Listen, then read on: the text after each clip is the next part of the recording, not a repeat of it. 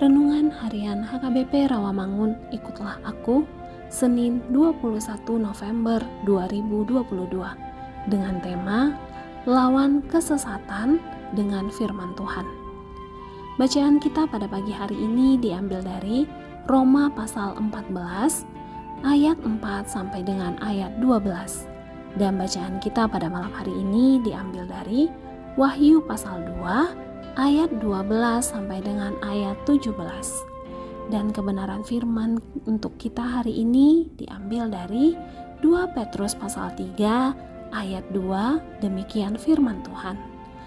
Supaya kamu mengingat akan perkataan yang dahulu telah diucapkan oleh nabi-nabi kudus dan mengingat akan perintah Tuhan dan juru selamat yang telah disampaikan oleh rasul-rasulmu kepadamu.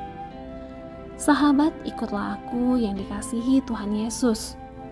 Hal-hal baru yang menarik mudah membuat kita melupakan hal-hal lama yang penting. Ajaran-ajaran baru dari para penyesat sering kali menggoyahkan iman jemaat. Petrus memperingatkan jemaat tentang penyesatan yang berkaitan dengan kedatangan Yesus yang kedua kali. Penyesatan ini akan terjadi pada hari-hari akhir mereka menyatakan bahwa Allah tidak berkarya lagi dalam sejarah, sehingga dunia tidak perlu berharap lagi pada campur tangan ilahi. Mereka lupa atau sengaja mengabaikan fakta bahwa Allah masih berkarya dalam sejarah. Maka Petrus melawan pandangan para pengejek itu dengan firman Tuhan.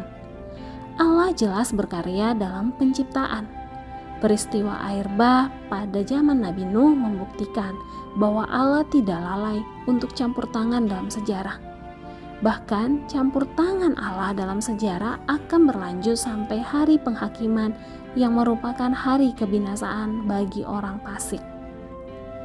Mereka yang sinis terhadap hari penghakiman justru akan mengalami penghakiman Allah yang mengerikan firman Tuhan telah membuktikan kesalahan pandangan para pengejek itu. Sebab itu, betapa perlunya orang Kristen mengingat firman Tuhan yang telah disampaikan oleh para nabi, Tuhan Yesus dan juga para rasulnya. Selain mendengar, pakailah firman Tuhan sebagai senjata untuk menghadapi segala pengajaran dan situasi baru yang terus bermunculan. Namun, kita harus mengingat bahwa pengajaran yang baru dan menarik belum tentu benar, sekalipun banyak pengikutnya.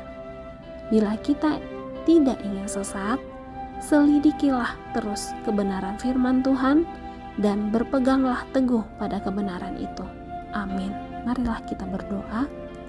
Tuhan, sekalipun kami mengalami kesulitan mempercayai janjimu, tetapi kami tahu bahwa di balik semuanya itu, Engkau sedang bekerja untuk menggenapi janji-janjimu dalam hidup kami.